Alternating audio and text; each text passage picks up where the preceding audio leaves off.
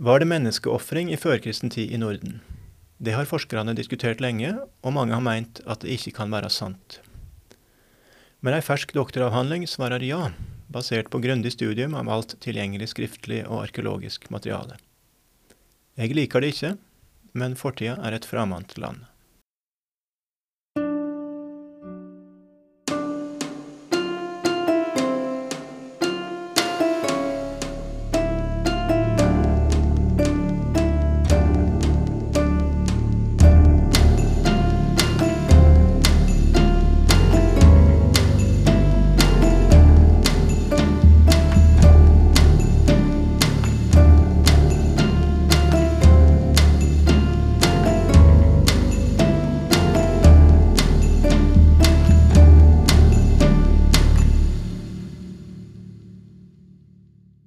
Velkommen til podkasten Tru og meining i gammel tid. Eldar Heide heter jeg, og gjest i dag er Klas Vikstrøm av Edholm. Velkommen, Klas. Tack, tack. Ja, vil du uh, si litt om deg sjøl, Klas? Ja, eh, jag har väl forskat och eh, hållit på med framförallt fornnordisk religion då, och eh, just med olika former av kultplatser och eh, blodörnsritualer och eh, nu har jag skrivit också min, min doktorsavhandling om just människooffer i fornnordisk religion. Ja, det er et litt uh, grotesk tema. Så er det noe sam... Ja, du, det er også spelmann. Jo. Ja, er det noe samband der? Med Eh, Ja, jo jag spelar ju eh, munharp eh, så eh, det är väl eh, ett litet eh, intresse kanske som spiller över på olika håll det här hi- historiska och att försöka leta fram saker som kanske inte har letats fram tidigare. Just när det gäller munharpan i, i, i Sverige så är det ganska outforskat och så, så att det är ett litet pionjärarbete som man får göra. Ja, det er litt på samme måte, altså grave fram eh, opplysninger, kilder, som, som kan eh, kaste lys over det du jobber med. Precis. Ja, ja, nettopp. Ja. Men eh, menneskeofring, eh, Klas ehm, kan, du ikke, kan du ikke si at det ikke er sant? Det er det, det er det vi vil høre, tror jeg. Det, det förekom. Ja, du gjør det? Mm, Ok. ja. Ja. Nei, men det, det var jo trist. Mm. Det, um, så nei, om det er det vi, vi vil høre, kanskje er det ikke det. Kanskje er det heller um, Det er litt sånn at det er en sånn pirrende fascinasjon, eh, litt sånn med, med krimlitteratur og, og skrekkfilm og sånt. At den um, ehm, Bare vi har stor nok avstand til det, så, så er det bare spennende og eksotisk. Men hadde det vært menneskeofring på torget i Stockholm i dag, så hadde vi kanskje mer tatt inn over oss at dette er jo helt det er grotesk, det er bare helt motbydelig. Det er eh, så um, For det er noe med det at så lenge, vi, så lenge avstanden er stor nok, så blir det som om det var fiksjon. Det er bare Ja, fortid er et fremmed land. Det eh, um, Det var nærmest på en annen, annen planet. Så jeg gjorde en assosiasjon Eller kom i tanker om det er et veldig kjent eh, dikt av den norske Arnulf, Arnulf Øverland. Ehm, 'Du må ikke sove' heter diktet. Han skrev det i 1937 med bakgrund i eh, behandling av politiska fångar i, i Tyskland. Och i den ena strofen, det är alltså Diktet vänder sig en, en politisk fånge som vänder sig till en som vaknar, blir väckt om natten av um, att den politiska fången talar till han i en, en dröm. Och i den ena strofen så säger han du menar, det kan inte vara sant. Så onde kan inte människor vara. Der finnes vel skikkelig folk iblant. Bror, du har ennå meget å lære. For det er jo noe med det når vi lever i denne delen av verden i dag, eh, 2023, så er det lett å, å Ja, det er jo det er ganske sivilisert her, da. Veldig mye sånn med krenking, eh, altså vekt på om du blir krenkt av det eller det, og en litt sånn ja, egentlig ilandsproblem. Mm. At det er lett å, å men, men det er klart, altså hvor, hva mennesker er, i stånd till att stand til å gjøre mot hverandre, det er bare å se til, til krigen i Ukraina i dag. altså Hva russerne eh, gjør til og med mot sine egne soldater. Det er helt eh, det er egentlig vanskelig. Ja, ja. Men uh, i forskningshistoria, mm, Klas, da er det en del som har meint at det ikke er sant. Det, det var ikke menneskeofring i, i førkristen tid i Norden. Nej, nej visst, det, det har varit, eh, debatten har väl pågått eh, eh, ofta under den tidigare delen av forskningshistorien har det väl framförallt rört sig kring olika källtexters vara eller icke vara och så vidare och lite huruvida arkeologin kan användas också. Men eh, sen under eh, senare tid, kanske framåt eh, under 2000-talet här så har väl eh, man mer och mer ifrågasatt att det alls ska ha förekommit eh, för människooffer eller om det hela idén bara är ett, ett påhitt av eh, i efterhand helt enkelt under medeltiden av att, ett sätt att svartmåla eh, de här fortfarande hedniska motståndarna. Då.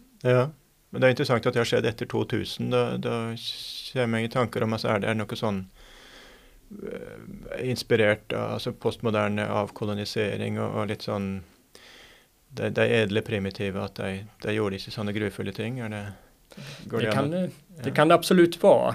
Eh, litteraturhistoriker eh, eller historiker har kanske varit eh, ännu tidigare skeptiska mot de här eh, eh fornvästnordiska eh, eller fornisländska texterna.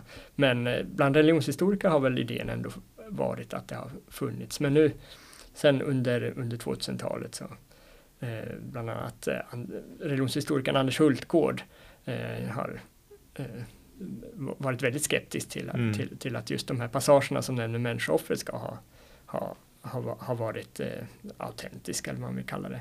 Medan samma texter kan nämna djuroffer, men då har han eh, varit mer benägen att acceptera dem som trovärdiga. Ja. Nettopp. Nei, kunne tenkt seg at det er religionshistorikerne de er mer åpne for at, eh, at det fanns. Og det er vel kanskje litt at når en ser eh, når en har det komparative perspektivet og ser på andre mm. etniske religioner, så, så, er det jo ikke det minste spesielt. Altså, i, i global sammenheng så er ikke menneskeoffer noe Nei, nei. nei. Det, det, det, det verkar ha förekommit eh, globalt och i många olika tidsperioder mm. av människans historia. Ja, dessverre. Mm. Ja, det får man ju säga. Så, ja. ja, men um, men hva, hva, argument har det varit emot uh, eh, att, det, att det förekom här i Norden? Ja, det ena är väl kanske uh, eh, just uh, de här textkällornas trovärdighet. och det, det, är ju något som man hela tiden måste vara, vara uppmärksam på och diskutera i detalj och i det stora hela och så vidare. Det är en diskussion som har fortgått ända sedan sen sen man började diskutera de här texterna och sen eh, kommer fortgå länge än. Det. Eh, men det andra gäller ju huruvida man kan se arkeologiska spår av det här offerbruket helt enkelt. Mm. Och eh, vad, de här, vad det här arkeologiska materialet kan säga, kan man överhuvudtaget använda arkeologiskt material för att studera religiösa mm. företeelser eller? Ja, för en finner ju, en finner ju um, alltså bein, skelett av døde mennesker fra gammel mm. tid, så klart. Men å få fastslått at det har vært ofra, det er en helt annen sak. Det ser du jo ikke direkte av det arkeologiska funnet. Nej, det är ju en, och det är ju en problematik, eh, absolut. Det, mm. det, håller jag med om. Och, mm. Mm. Eh, eh på ett sätt så skulle jag faktiskt eh, kunna hålla med om att av det materiella, alltså av benmaterialet i sig så kan man ju inte säga om det är ett offer eller inte. Mm. Utan, eh, men materialet är fortfarande intressant att diskutera och analysera. Och, eh, men man får angripa det från andra, andra vinklar och ta in annat material också och se det. Ja, se till möjligheterna istället för bara avfärda det utifrån mm. en premiss. Ja. Men, men när det gäller texterna så är det det här att den har ment at det er kristne konstruksjoner. at det er, mm. For dels er det jo tekstene er samtidige kilder fra lenger sør i Europa, der kristendommen kom tidligere. Mm. Eller det er tekster fra lenge etter kristninga, 200-300 år etter kristninga her i Norden. Og da så har jeg ment at det er eh, Nei, dette er bare fantasier, konstruksjoner, at en prøver å sverte de kristne Nei, heidningene. Stemple Mm. dem som, som Det er det du eh, Precis. Ja, nettopp. Ja. Men eh, hvordan kan du da mene at svaret er ja? Det, kanskje forstå litt på materi ja, Vi har jo snakka litt om materialet, altså skriftlig og arkeologisk. eh, Mm. Jo, men eh, dels så finns det eh, själva textkällorna har väl tillkommit eh, antingen i, ja, men i, inom en annan kultur eller i, i, i Norden fast långt senare efter, efter kristnandet. Men, eh, men allting är, de är ju inte påhittat. En del av det vet vi ju är korrekt, till exempel vissa namn som man kan se att, eh, i oberoende, andra oberoende källor från, från samma tid, att de mm. återkommer och så vidare. Så att eh, allting är ju inte påhittat. Och snarare kan man se att vissa mönster eller idéer återkommer på olika sätt och verkar ha en, en, en grund i, i den- fornnordiska religionen helt enkelt. Så att man kan se att vissa saker verkar verkar, verkar bottna i, i, i den förkristna religionen. Och sen finns det ju också en del, alla källorna är ju inte, har, har de, allting är ju nedskrivet om man ser till den isländska litteraturen till exempel. Allt är ju nedskrivet under 12 eller 1300-talet. Mm. Men en del av det har ju tillkommit långt tidigare, till exempel skaldedikterna. Ja, som har levd i muntlig tradisjon, er det en Mm. brei semje om. Ja. Precis, Och och där kan man ju, de kan man ju bara spåra ner i vissa fall ända ner till slutet av 800-talet och då är vi definitivt inom Mm. vikingatiden. Och, Ja bara lägga till här. Vi, vi var ju en av de första episoderna, en ganska tidig episod med Hauker Sorgersson eh, från Island om, om datering av eddadikt, så vi kan säga att det i stort sett är förkristna Skaldedikt är det ju ändå lättare eller lettere eller flere, om att detta är från förkristen tid. och Det har att göra med att med det är så väldigt strängt versemål att det är lättare att huxa, Du får många sådana Mm. Stolpar, ja, vi snakker om ri, stavrim, er nettopp det at det er en bygning da, som reversemålet gjør at det er mange sånne støtter du kan bruke for å ja, for å huske eh, strofa akkurat sånn hun var. I tillegg at den ser da, til at den ser eh, i, i strofene, i språket, at det er arkaiske trekk. altså ser at ja, men Dette var ikke noe som, som var i språket på 1200-tallet. Det ser vi i prosaen fra den tida. At dette, er, dette må være overlevert fra tidligere språk, språksteg. Ja innskått der. Så, men, eh, men ellers er det jo sentralt, eh, ser jeg, i avhandlinga di For å nevne tittelen, forresten, av 'Menneskeoffer i myt og minne'. Og det er altså fra 2020. Eh, avhandlinga, ja. Sentralt der ser jeg er det med def definisjonen av offer. Eh, hva Mm. det er for noe. Kan du si litt om det? Ja, eh, jag har ju valt en, en definition för att eh, den ska kunna eh, bygga, eh, stötta hela, eh, eller eh, möjliggöra hela, hela studien. Och, så att man kan ju avgränsa det här begreppet eller fenomenet offer på olika sätt. Men det som jag tyckte var lämpligt för den här typen av studier det är att offret, eller människooffret helt enkelt, är en, en rit som där man genom dödandet av ett levande väsen, alltså en människa, eh, vill kommunicera med Eller, eller dyr, kan du si. At Ja. Det jo vanligere, da. Men ja, just det Ja, precis. Ja, Offerkulten som så. Då är det ju ja, men, dödandet av ett djur eller en människa så vill man kommunicera med en gudom. Mm. Och det här äh, offermaterian, alltså eh, den här, det här levande väsendet eh, dödas som en gåva. Det, över, det ges som en gåva till, till eh, den gudomliga mottagaren. Mm, mm. Ja, så det er eh, kommunikasjon med guddom eller annen overnaturlig skapning. Mm. Det er sentralt. Og så er det da at det er gave. Da er det det med intensjonen. At det er en idé. Her skal vi For det er jo problemet i, i mye i det arkeologiske er jo at um, å skilje ifra dødsstraff eller, eller drap i kamp Eh, Mm. Og da er det jo det med intensjonen da som er Men det, det Ja, og som du sa her, det problemet at du det ser du ikke i det arkeologiske. Nej. Nei.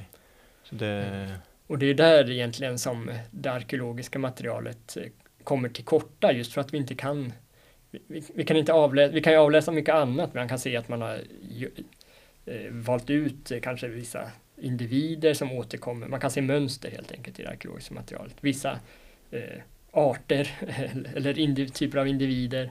Man kan se att det är ofta hästar, det förekommer och det är människor, det är både kvinnor och män. De förekommer ofta tillsammans med andra typer av föremål, till exempel vapen i vissa fall. Ja. Eh, och vissa typer av platser, eh, till exempel sjöar eller annat. Platser som har någon kultplats. Men, och det är särskilt där du finner en kombination mellan alltså att du finner ett, ett lik i, i, i myrar och, och mm. vatten, insjöar. Um, och då, okej, okay, det kan ha varit, då, här ligger det ett lik eller här är det ett huvud med, med rejp runt halsen. Mm. Okej, okay, det kan ha varit en, en eh, förbrytare som är, som är avrättad, men som är druckna här som straff. Men, men då när du finner att ja, men det är guldringar och det är svärd mm. och det är ja, alla slags, alltså, ja, du, det var inte något poäng att straffa den guldringen. Nej, Druck, Nej det, det, det, det, det, skapar mindre, eh, det verkar mindre troligt att det i så fall är eh, en, en straffplats ja. än att det skulle vara någon form av kultplats. Nettopp. Så, så, så sådana myrar eller um, våtmarker då, offer det är um, väldigt centralt i resonemanget ditt då? Att mm. du, du kan i sådana tillfällen kan du se att här är det, okay, det är ett människa som är drept och det är helt osannolikt att det är gjort bara som straff i alla fall. Det kan ju, kan kanske tänka sig bägge, bägge delar då. Att det är, ja, det är möjligt, ja. Eh, men att det är massvis andra ting här som ser ut vara offra och okej, okay, men det är det naturligt att tro att också det är människa, eller dyr, för det vill också vara dyr mm. som ligger. Ofta är det ju djur också ja, tillsammans. Ja, men andra, andra fundtyper där det inte är lika, alltså det med, med våtmarksoffer så, så är det ju, du har den kombinationen av, av eh, det du finner i, i, i myra eller vattnet mm. som gör att du kan resonera som vi gjorde. Men, men när det är andra typer, när det är tört land, mm. slags resonemang kan man göra där då för att sannsynliggöra att, uh, att det är offer och inte bara ett drap i kamp eller, eh, eller dödsstraff? Ja, även här så är det egentligen att försöka uh, förstå vad det är för en förstå kontexten. Vad, vad är det för en, en plats som de här eh, människodelarna har, har hamnat på. Eh, och det kan skilja sig lite från olika håll. I, i till exempel eh, Uppåkra i Skåne där, då har man ju eh, ett, eh, ja, det, det, är en, det är en stor gård med enormt lång kontinuitet och ett, eh, en, i princip en tempelbyggnad, eh, mm. ett kulthus mm. som, man, som är helt oförändrat men det renoveras eh, med jämna mellanrum men man ändrar ingenting konstruktionen på 500 år så att det är en väldigt arkaisk byggnad mm. och antagligen väldigt hög så att just den här te tempelbyggnaden eller kulthuset måste ha varit väldigt symboliskt viktigt så som det såg ja. ut. Och runt omkring där har man fullt av eh, djur djurben, alltså man har strött, strött ut alla de här antagligen offrade djuren då Ja, för det är ingen rimlig grund att det ska vara speciellt många döda dyr som låg akkurat nej, runt nej, nej, det, det hade något med offer att göra. Ja. Det måste ha ja. någon typ av, eh, av eh, högtidligt eh, ätande av djur och ja. benen har lagts ut kring just det här speciella huset. Och mm. sen har man också en, en, en grundgrop så har man lagt ner massor av spjutspetsar och vapen och människor, människoskallar. Ja. Och där är ju, det är ju inte en våtmark men däremot så är det en väldigt eh, kultisk kontext, eh, alltså ett sammanhang där ja. det, människorna, ja. eller människohuvudena i, fram, i första hand, de har legat också framme precis som de här djuren. Och en del av benen har gnagts av hundar och sånt där så att de har verkligen legat antagligen kanske på marken bara där. Ja, tillsammans med vapen och legat synliga. Ja, så, så kopplingar till kultbyggning, att det ligger ved, ved utom väggen mm. på en kultbyggning. Precis. är det rimligt att tro att det mm. har något med kulten eh, att göra. Och då, ja. Men, och det, och det att la hobbyskadar ligga och slänga sån utom husväggen, det är nog ja. kanske en typ av kult som vi inte har lust att veta allt för mycket om. Mm. Men uh, ja, eller tankar, tankarna bak det, det är kanske inte det trevligaste. Ja, og videre da, det er også forholdsvis tydelig da når det er i kombinasjon med en, en kultbygning, men er det andre mindre tydelige tilfeller? Som, eh... Ja, eh, det finns ju en del eh, en del olika fynd. Alla fynd är ju inte så, så självklara att det faktiskt är offer utan framförallt så får man kanske eh, veta med sig när man studerar de här fynden eller platserna att eh, människooffer förekom under, under den här tiden och att det då är en möjlighet i tolkningarna. Men det är ju inte alltid man kan sluta sig till en slutgiltig tolkning. Nej. Men ett intressant fynd som man ändå kan nämna det gäller ett antal människoben som man hittade i, i bebyggelsen vid Gamla Uppsala mm. eh, i, i, i Uppland under, när, när, man grävde nu ganska nyligen. Mm. Eh, den här stora, en, en, väldigt stor grävning, man banade av väldigt mycket, väldigt stora områden. Och då under den här vikingatida eh, bebyggelsen bland bostadshusen, alltså inte där härskaren bodde utan eh, mer av de här produktionsgårdarna. Mm. Eh, där hittar man en del människoben, bland annat lårben från, från människor som hade ja. också gnagts av hundar och de har hamnat sen i skräphögar eller i igenfyllda brunnar och sånt där. Ja. Eh, och det är väldigt konstigt att det hamnar människoben där som uppenbarligen har varit eh, då, inte gamla gravar utan färska ben som hundarna har gnagt ja. på och släpat runt på. Eh, och en tolkning då som eh, inte är, som ändå har visst fog för sig, det är att eh, hundarna helt enkelt har hittat eh, människoben eller haft tillgång till någon typ av människokroppar. Kanske från en kultplats, den här stora lunden som Adam av Bremen nämner ska ha funnits i just Gamla Uppsala och då har släpat runt de här kropparna och så har de råkat hamna i, i bostadsområdena och det, det, kan ju också förklara varför man bara hittar några enstaka staka ben och inte hela kroppar eller inga huvuden och sånt där utan det mesta är ju förstås har ju legat kvar då eller kanske helt enkelt ruttnat bort på, på kultplatsen men enstaka, enstaka bitar har släpats runt och ja, hamnat på konstiga ställen. Ja. Men i det tillfället som det är mindre klart, vad det är med myrfunn, eh, är det tämligen klart att tolka som, som menneskeofring når du mm. finner et lik i myra attmed gullringer og, og sverdene her. Mm. Og med oppåkra ja, i kombinasjon med en, en kultbygning, ja vel, mm. det er det også rimelig. Men når det er sånn mindre, mindre tydelig, da um, Da er det vel noe med hvem som har bevisbörda, eller hva som er en rimelig tolking? Ja, den det, det, det, blir ju mycket svårare att eh,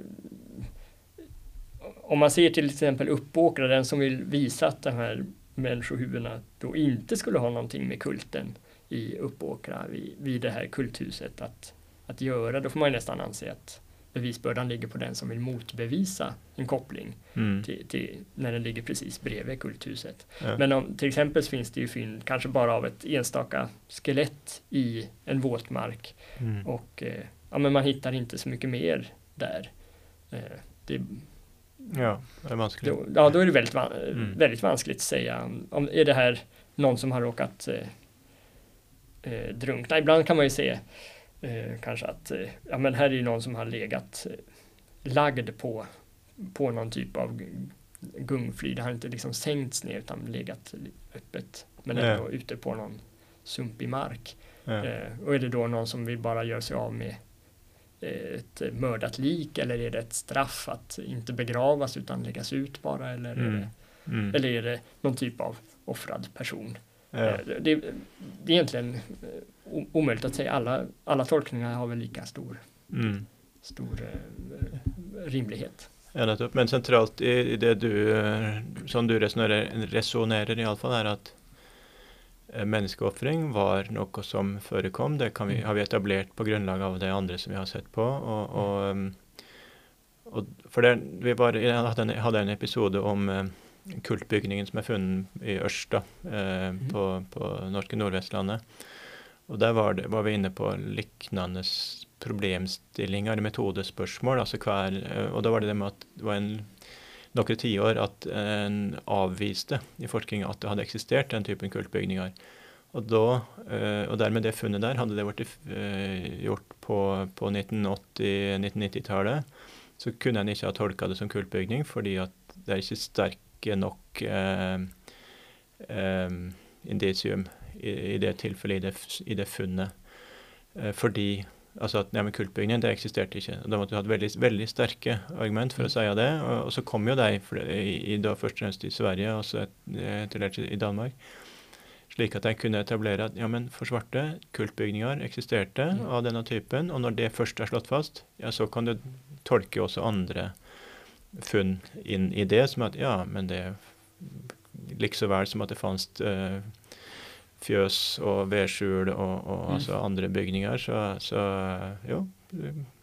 Så, men på samme måte at OK, nei, menneskeoffer, det eksisterte, og, og um, ja, da kan det være det, eller det kan være det. Men, men, så det er veldig vesentlig da, hva som er etablert som, som rimelige tolkingsalternativ. Som, som, ja. Men tekstene, da er det altså at du, du ser ikke Eller intensjon, det ser vi ikke i, i, det arkeologiske, men det kan vi se i, i tekster. Altså in, intensjon, dette er mm. Vi, vi drep denne, dette dyret, dette mennesket, som kommunikasjon med Gud, guddom, eh, mm. overnaturlig skapning. Det ser vi i tekstene. Men, eh, men, det var det, den innvendinga der at uh, dette er bare kristne konstruksjoner, kristne fantasier for å stemple heidningene. Er det, du, du, var litt innom det i stad. Vil du si litt mer om det? Hvordan du har prøvd å takle det, det kjeldeproblemet? Ja, dels så, eh, så kanske man ändå får kasta in att det, det är faktiskt inte bara eh, kristna eh, utomstående författare som nämner att nordborna eh, offrar människor. Utan det finns ju faktiskt också ett, några eh, eh, arabiska eller muslimska eh, källor. Eh, ja, samtidiga. Som, är samtidiga helt enkelt, som beskriver eh, möten med, med Bara nordbor. Jag att nämna perioder du har sett på här. Det här det är 550 till 1050, inte ja, ja, precis. Det. Så vikingtida inte minst då. Och, ja, och, och, det, och, det, vi brukar kalla vendeltid då. Ja, merovingartid, mm. så yngre järnålder, merovingartid, ja. vikingtid. Ja. Och, och då på den tiden, eller vikingtida, det är väl då vi har de mm. arabiska uppdagarna som... Ja, precis. Ja. Framförallt under 900-talet som det, ja. det finns eh, några källor. De nämner just eh, eh, ja, men, bland annat en eh, Ahmad ibn Rusta eh, som nämner ett möte med, med nordbor. Att de, de har någon typ Var var det? Han dig? Jag tror det är, jag kommer inte ihåg vilken flod eller handelsplats eh, mm. som han eh, Men det är östöver i Europa en, en stad? Ja, ja, det är det. Ja, okay. eh, och eh, eh, då har de med sig någon typ av eh, kultförrättare eller rituella experter eller Mm. Eh, prästerskap kanske man inte riktigt kan tala om men ändå någon typ av kultledare som mm. kan utse eller bedöma vad som är en lämplig offergåva. Mm. Och den här, eh, den här rollen eller lotten kan då falla på antingen deras eh, eh, boskap eller kvinnor eller män. Mm. och det här är ett beslut som inte kan återkallas utan då tillhör den här gåvan, gudomen helt enkelt. Mm. Och då tar de den eh, och hänger den i en primitiv galge mm. eh, med ett, en snara runt halsen och hissar upp den och säger uttryckligen enligt den här arabiska källan det här är mm. ett offer till Gud. Ja. Och tydligare än så kan det inte bli från en, en utomstående oberoende källa. Nettopp, nettopp. Och då kan ju, okej, okay, muslimerna och såg seg mm. vel som overlegne, akkurat som de kristne gjorde. Men, eh, men, eh, men vi har iallfall ikke det kristne perspektivet. da, at her um, um, For der, det er iallfall seinere kristne tekster fra Norden, så er det jo det at mm. en ser tilbake, ser ned på folk som levde, at det, de hadde mindre, mindreverdige skikker, iallfall. Men, men her er det jo mer, mer sånne Precis. Litt mer som en antropolog, sosialantropolog nærmest. Araberne mm. som møter disse eksotiske fremmede. Ja. ja. nei, det høres ut som en veldig en solid uh, kjelde, ja. Och då blir det kanske på samma måte alltså att när en först har etablerat att ja, men menneskeoffer, det, det, det är inte något mystiskt med det. Det är känt för stora delar av världen. Så, Mm. så, så hvorfor ikke? Ja. Så, um, Ja visst. Ja, Vi- ser man också till de här äh, ifrågasatta äh, isländska äh, källtexterna så, så är det ju en del av det som eh, ändå kan beläggas ganska bra. Till exempel det här med lottkastningen för att utröna ett lämplig offergåva. Just det här att kasta lotter, det har vi, kan man ju belägga. Det finns ju väldigt må många olika typer av källtexter. Och något liknande verkar också ha kontinuitet ner till, till, till, germanerna även tidigare i, nere i Europa. Så att det verkar vara en gammal tradition och att det, det dyker upp också även i samband med, med människooffer. Så att många detaljer och spår och mönster i de här beskrivningarna av människooffer eh, finner ju fog för sig.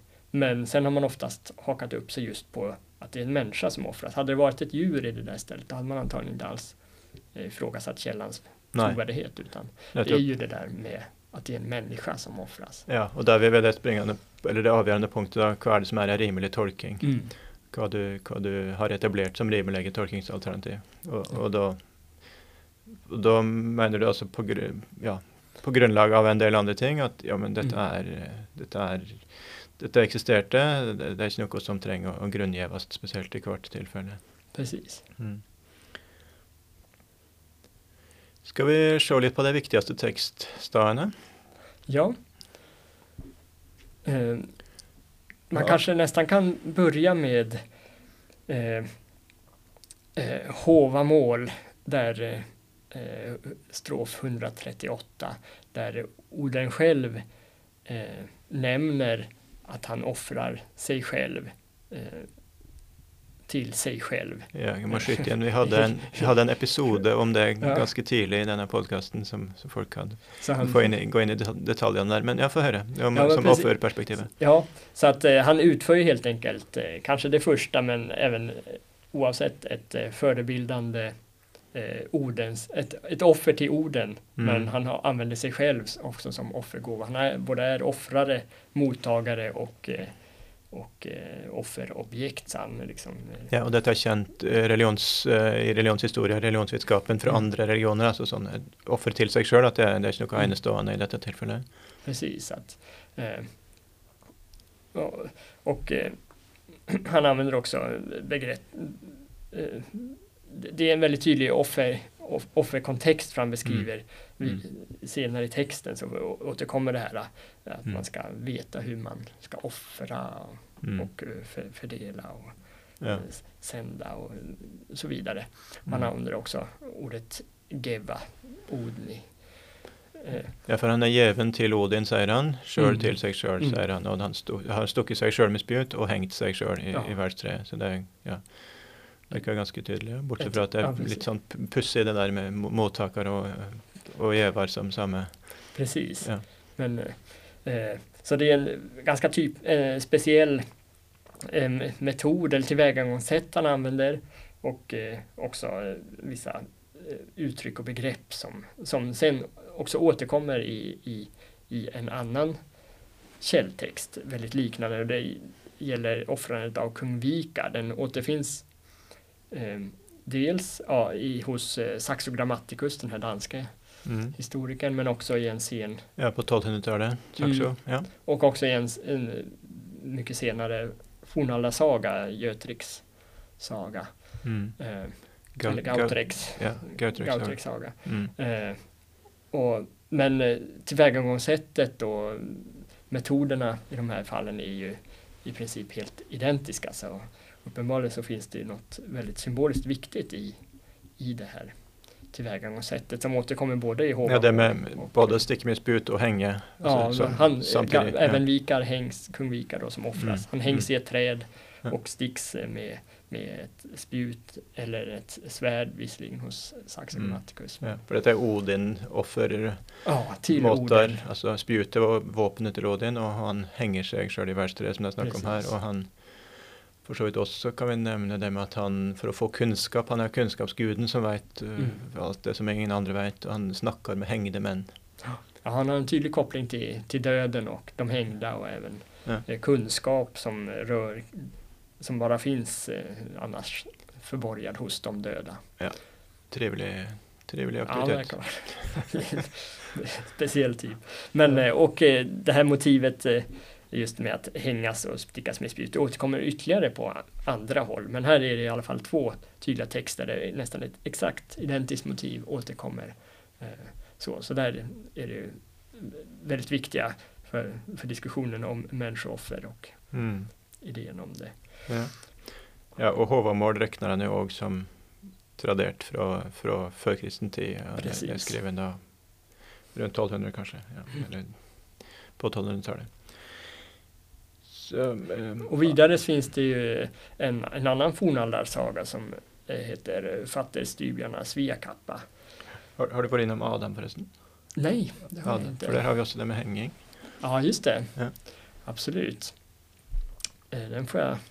Adam av Bremen. Ja, Tuss. Adam av Bremen är väl kanske den mest kända och eh, också en av de absolut viktigaste källtexterna när det gäller människooffer i Norden. 1060-tallet. Ja, precis. Han, han besökte visserligen aldrig själv Sverige, men han fick sina uppgifter från den danske kungen som hade varit landsflykt i, i, i Sverige i 12 år Mm. och antagligen själv då fått bevittna den här Mm. kulten som ska ha eh, försiggått då vart nionde eller alternativt vart åttonde år eh, så som vi räknar i, i Gamla Uppsala. Mm.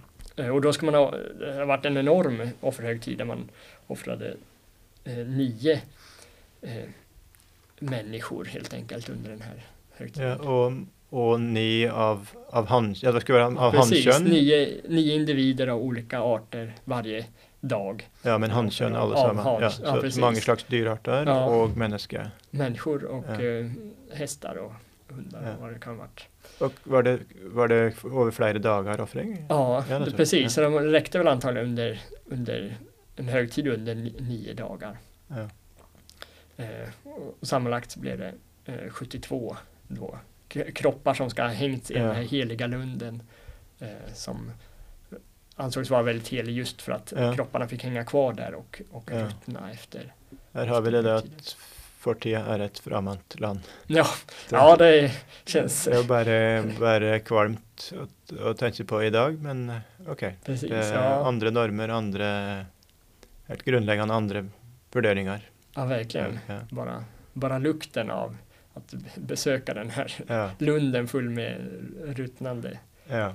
kroppar. Men, men, så är det ju nettopp många som har avvisat det, då, att det, detta kanske ja, stämmer. Precis, ja, det här är bara, vissa till och med menat att han, han avser överhuvudtaget inte att beskriva eh, Uppsala-kulten på något sätt, han vill Mm. kritisera påvedömet som Ja, at det er en alle- allegori Ja. over at han sitter og skriver i kode for å kritisere paven. Ja. Precis, men, Mm. men eh, det finns väldigt mycket i, i det hela som, som, som helt enkelt överensstämmer ganska bra med, han säger att det finns en stor eh, salsbyggnad eller hallbyggnad där man utför dryckesceremonier och firar den här högtiden. Mm. Och eh, det är ju precis sådana typer av hallbyggnader som man har hittat och varit eh, de ja, här, I Gamla Uppsala. i Gamla Uppsala, Ja, på ja. precis den platsen. Det ska finnas stora berg eller kullar av något slag och det är ju just tre enorma kungshögar som ramar in hela kultplatsen. Så att, Ja, som er enorme, for det er en, en, en morena av typen esker eller svensk rull- rullstensås, men Mm. den har gravet ned imellom, og så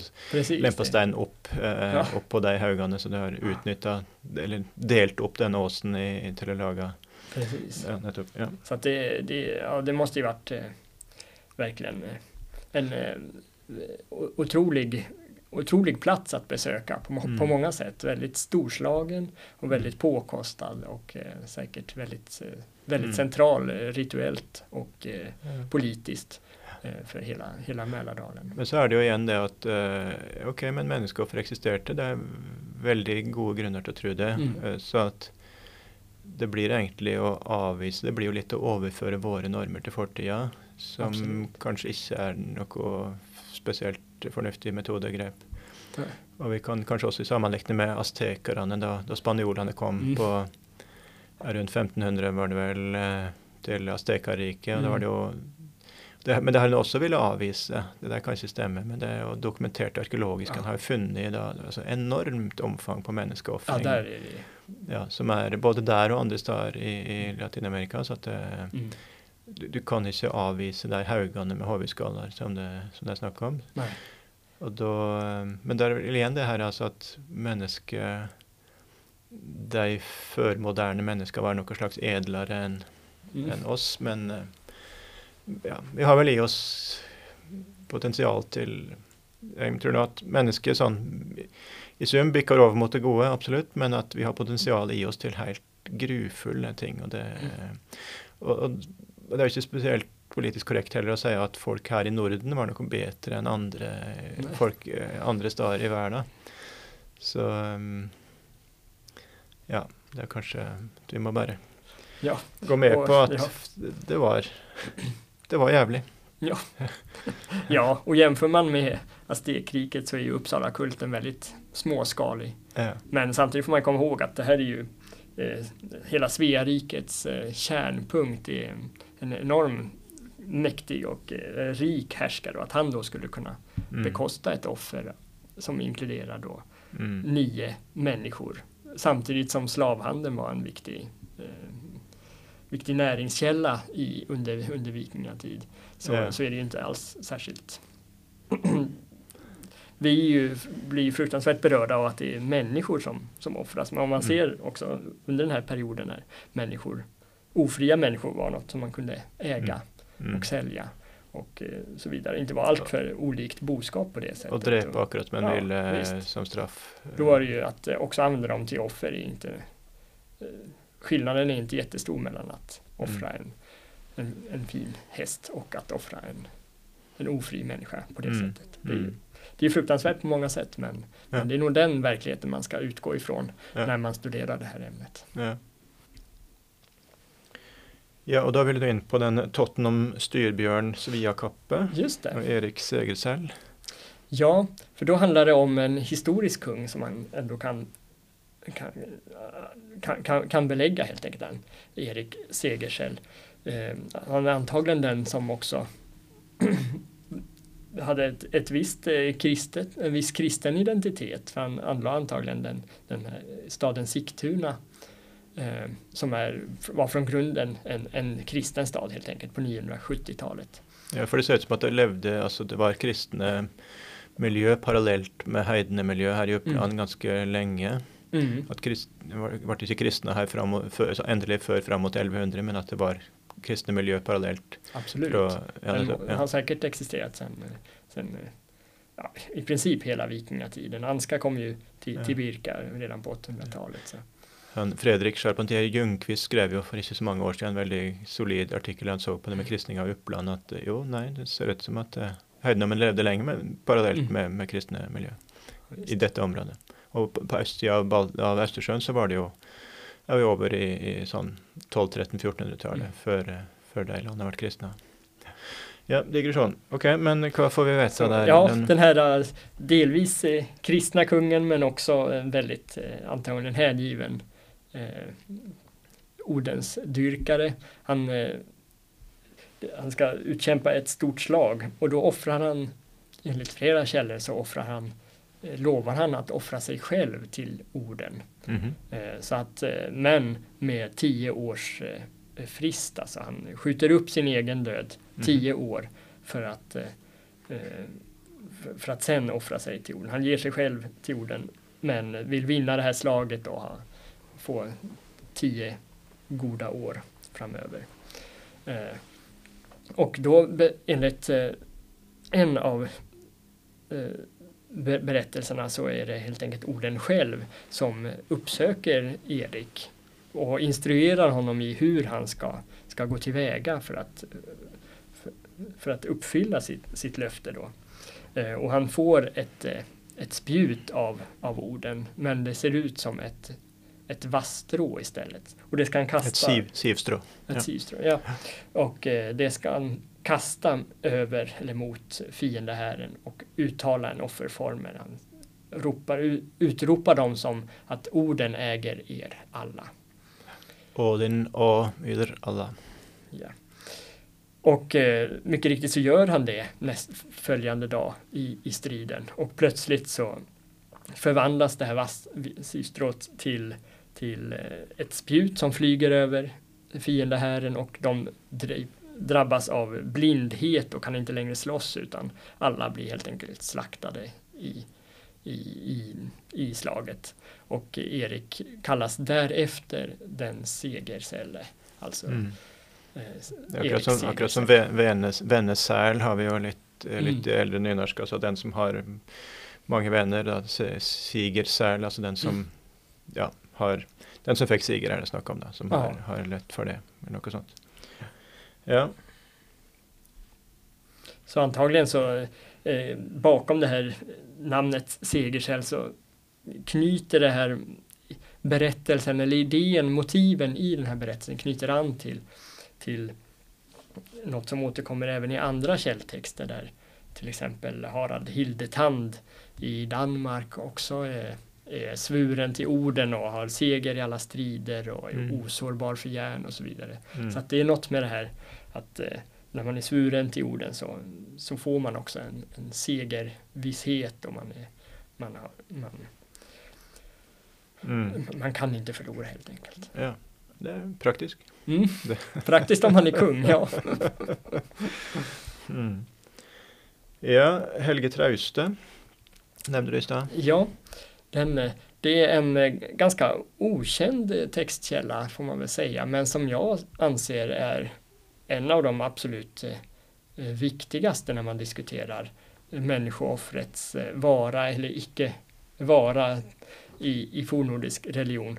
För det är helt enkelt en, en islänning som har varit eh, yrkeskrigare i, i, i, Norge och kommer hem till Island och där har han, inser han att hans mamma har fått en ny älskare.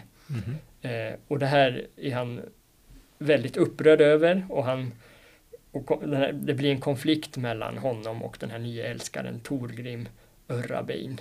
Mm. Eh, och konflikten blir värre och värre och eh, till slut så nämner eh, Helge att han, han, han nog tänker ha ihjäl eh, Torgrim.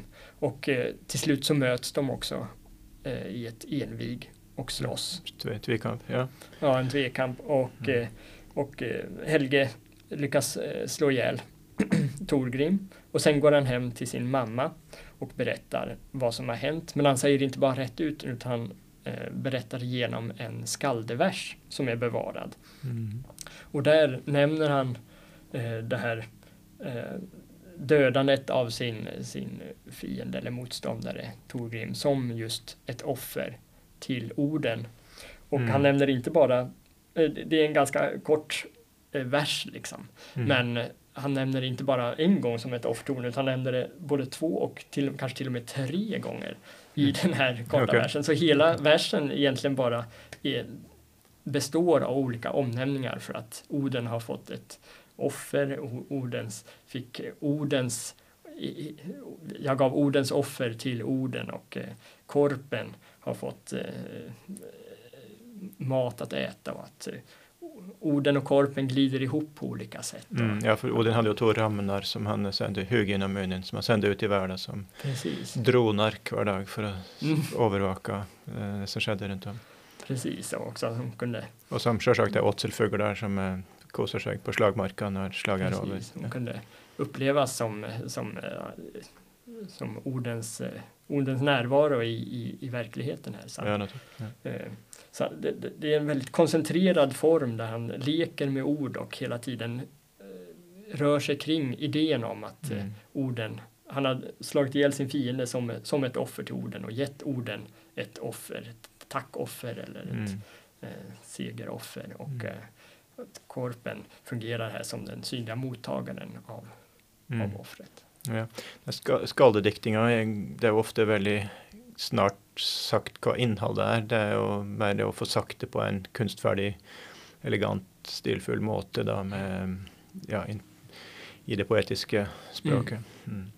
Men det är, fra, det är på 900-talet han ska ha Ja, slutet av 900-talet. Mm. Eh, och det intressanta med den här dikten, om man får anse att den är skapad av just Helge Traus. Det, är ju att vi här får vi ett inifrån perspektiv på Mm. hur han då själv omtalar det här Mm. eh, dråpet eh, på ett sätt, eller sin handling i alla fall, som just ett offer. Att han omtalar eller upplever det eller anser att det är ett, ett offer till Mm. orden. Mm.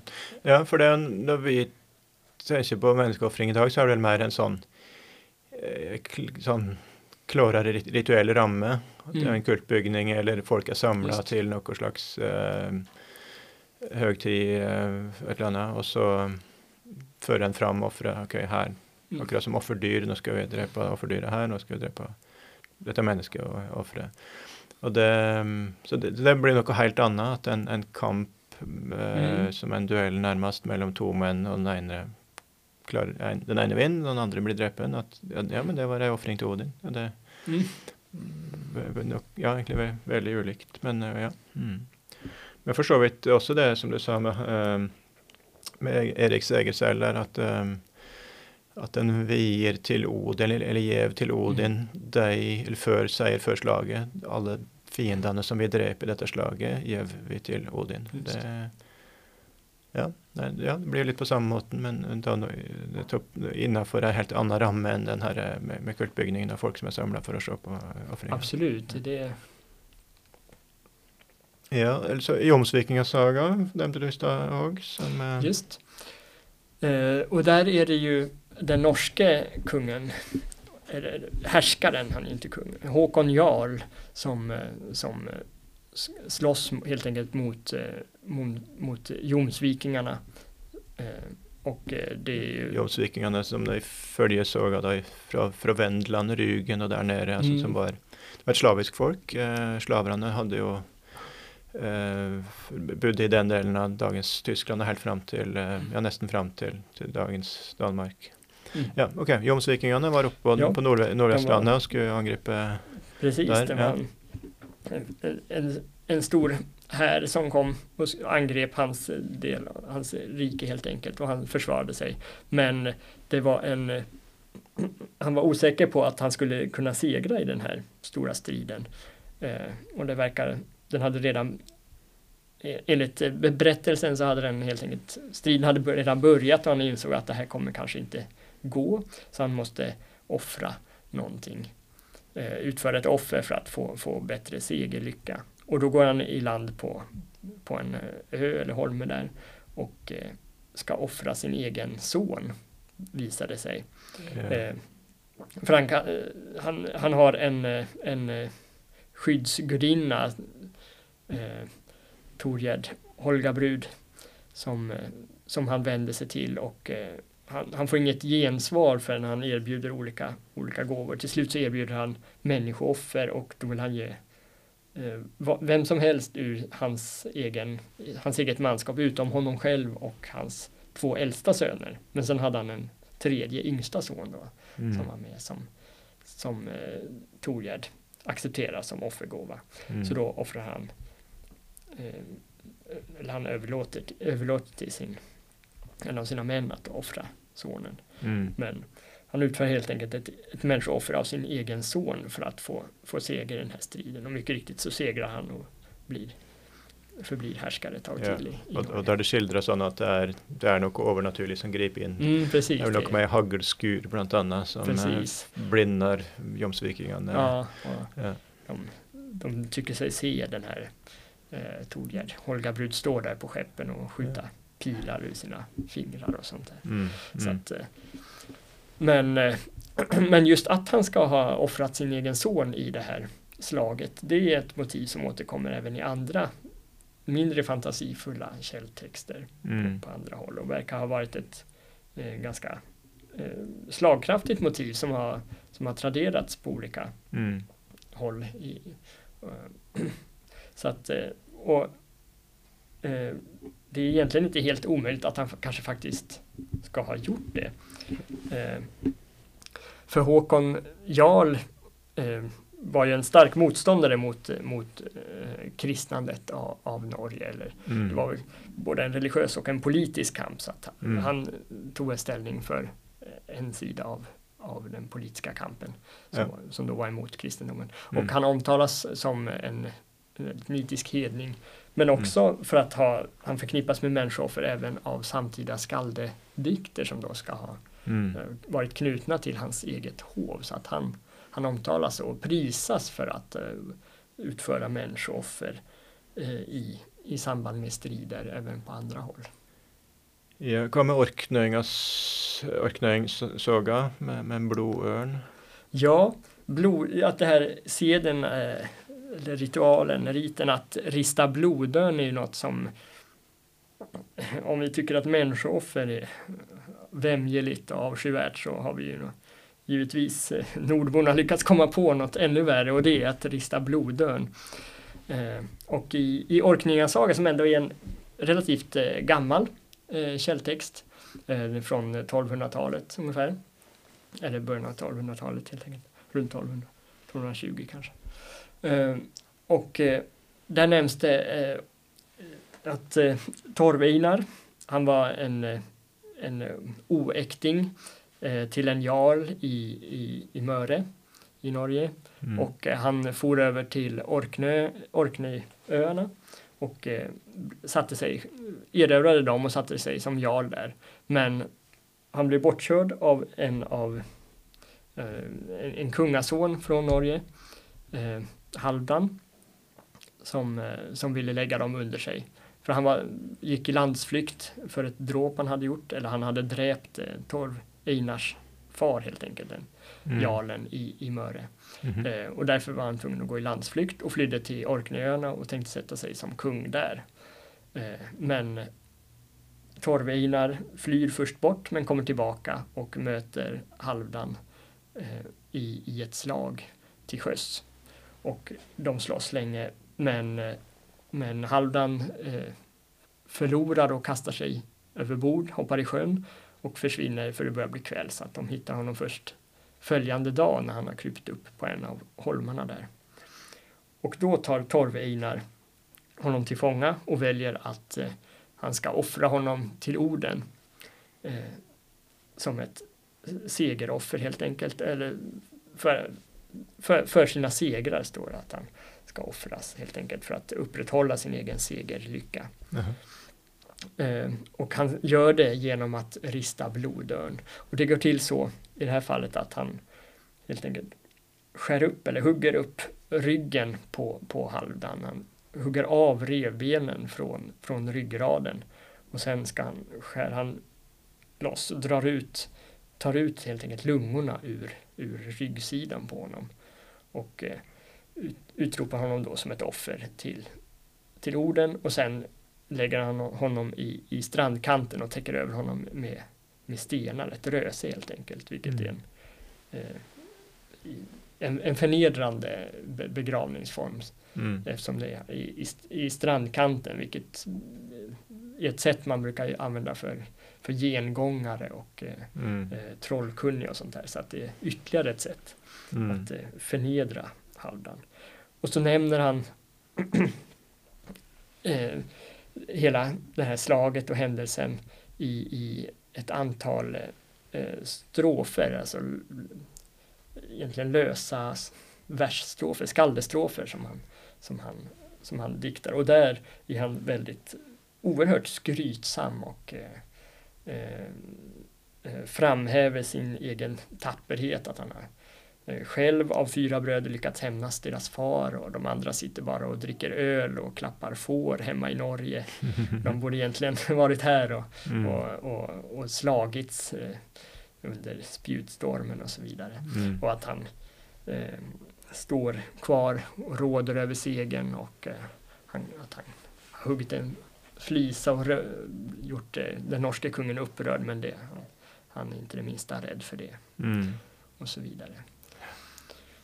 Ja, det med å riste blodørn og dra ut lungene gjennom ryggen, så skjære opp og dra ut lungene gjennom ryggen, det er jo ja, ekstra grotesk. Og der har mange meint at det må være fantasi, det må være Mm. nettopp en sånn kristen eh, konst- konstruksjon eller eh, stempling av, av høydningene. Men der var det mm, Ja, om det stemmer, det kan vi vel ikke avgjøre eh, endelig, men, eh, men det var faktisk eh, en sånn tverrfaglig artikkel av noen briter for ikke så mange år siden, der det var en filolog og et par leger, lekere, mm. som skulle Eller legene skulle undersøke om det her om det var fysisk mulig. Just. Ja, och då så jag högst var konklusionen att jo, det... det jo, men det, ja. precis, jo, det, det, det är full, fullt möjligt. Mm. Men eh, det är ju en förenklad beskrivning, om man ska mm. säga, i, i de här källorna. För, för lungorna sitter ju givetvis fast i, mm. i stora blod, blodådrorna. Mm. Så att man kan ju inte bara dra ut dem. Mm. Utan man måste ju skära loss dem om man ska plocka ut dem ur ryggsidan. Men, mm. men eh, absolut så är det ett, ett, en, en avrättningsmetod som är, är möjlig. Ja, naturligtvis. Ja. For så vidt så minner det litt om, om det som vi nevnte aztekerne, så er det jo det med å skjære ut hjertet av offeret mm. levende. Um, ja, det är väl omtrent på samma nivå i djävulskap. Mm. Ja, det får man väl säga. Här har, vi, mm. här har vikingar lyckats hitta något liknande. Mm. mm. Ja, men hva med tekster som du avviser, da? Det är väl inte så att du, du godtar eh, allt? Ja, nej. Dels så finns det ju något som har ibland förts fram som ett exempel på människooffer. Något som kallas schlunrod. Eh, och det har med, med utsättningen av skepp, att man, man drar skeppen på, på stockar eh, som den får rulla på. Kanskje kan skyte inn her. Grunnen til at vi gjør det opptaket her nå, er at jeg eh, er med på, i båtlaget Braute. Og vi var nå i helga, dette er 1. mai-helga 2023. Vi var og sette på sjøen en fembøringen Braute som jeg er med på. Og da var det Ja, hva var vi da? Fire, fire nordmenn, og, og da ja, 20 svenskar. Och, de jag, det var jag som ledde den här operationen och de måtte jag förklara en, en lund, eller en lunne på norsk, det är de här stockarna som vi, för det måtte vi flytta på, på dessa lunnarna för att, efter som vi flyttade båten för att, det skulle ligga sådana stockar, lunnar under hela vägen. Ja.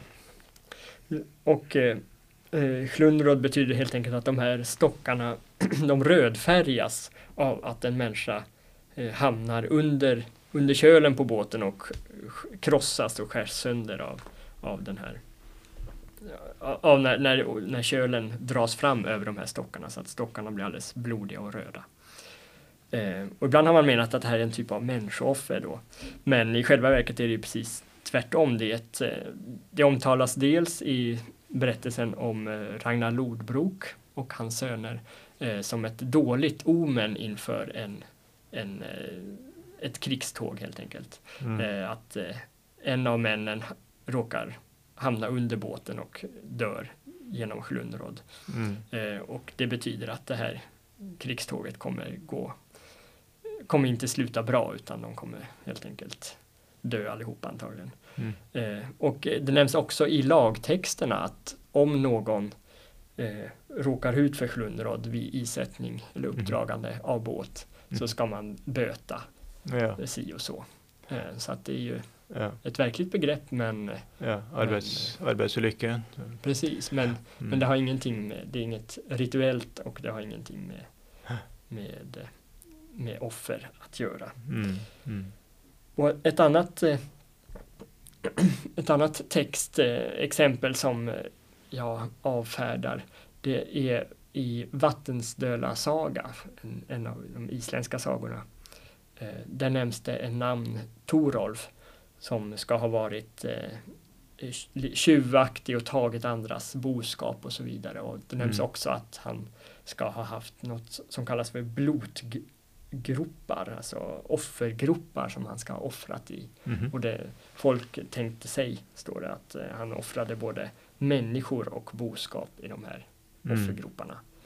Eh, och i, i berättelsen i Vattställa saga då så, så överfalls eh, Torolf. Han hamnar förstås i, i konflikt med någon av sina grannar och han blir själv dräpt i, i en, medan han håller på och offrar i mm. en sån här blotgrop. Men, men jag tror inte alls att det, eh, att, eh, att det skulle förekommit människooffer i ett sånt här sammanhang är, är, konstigt på många sätt. Dels att det är en privatperson här som utför någon slags eh, vad man får anta, kalendariskt offer av människor. Eh, redan där är det väldigt avvikande för annars är den kalendariska kulten något som inkluderar en, den stora kultmenigheten, alltså samhället i stort som eh, tillsammans utför den kalendariska kulten och då mm. i, vid de största högtiderna förekommer det människooffer då. Mm. Oftast med, med just härskaren eller kungen mm. som, som eh, kultledare. Mm. Mm. Eh, men också den här typen av offergruppar är, är, är märkliga och eh, ett begrepp som inte återkommer någon annanstans. Nej. Nej. Mm.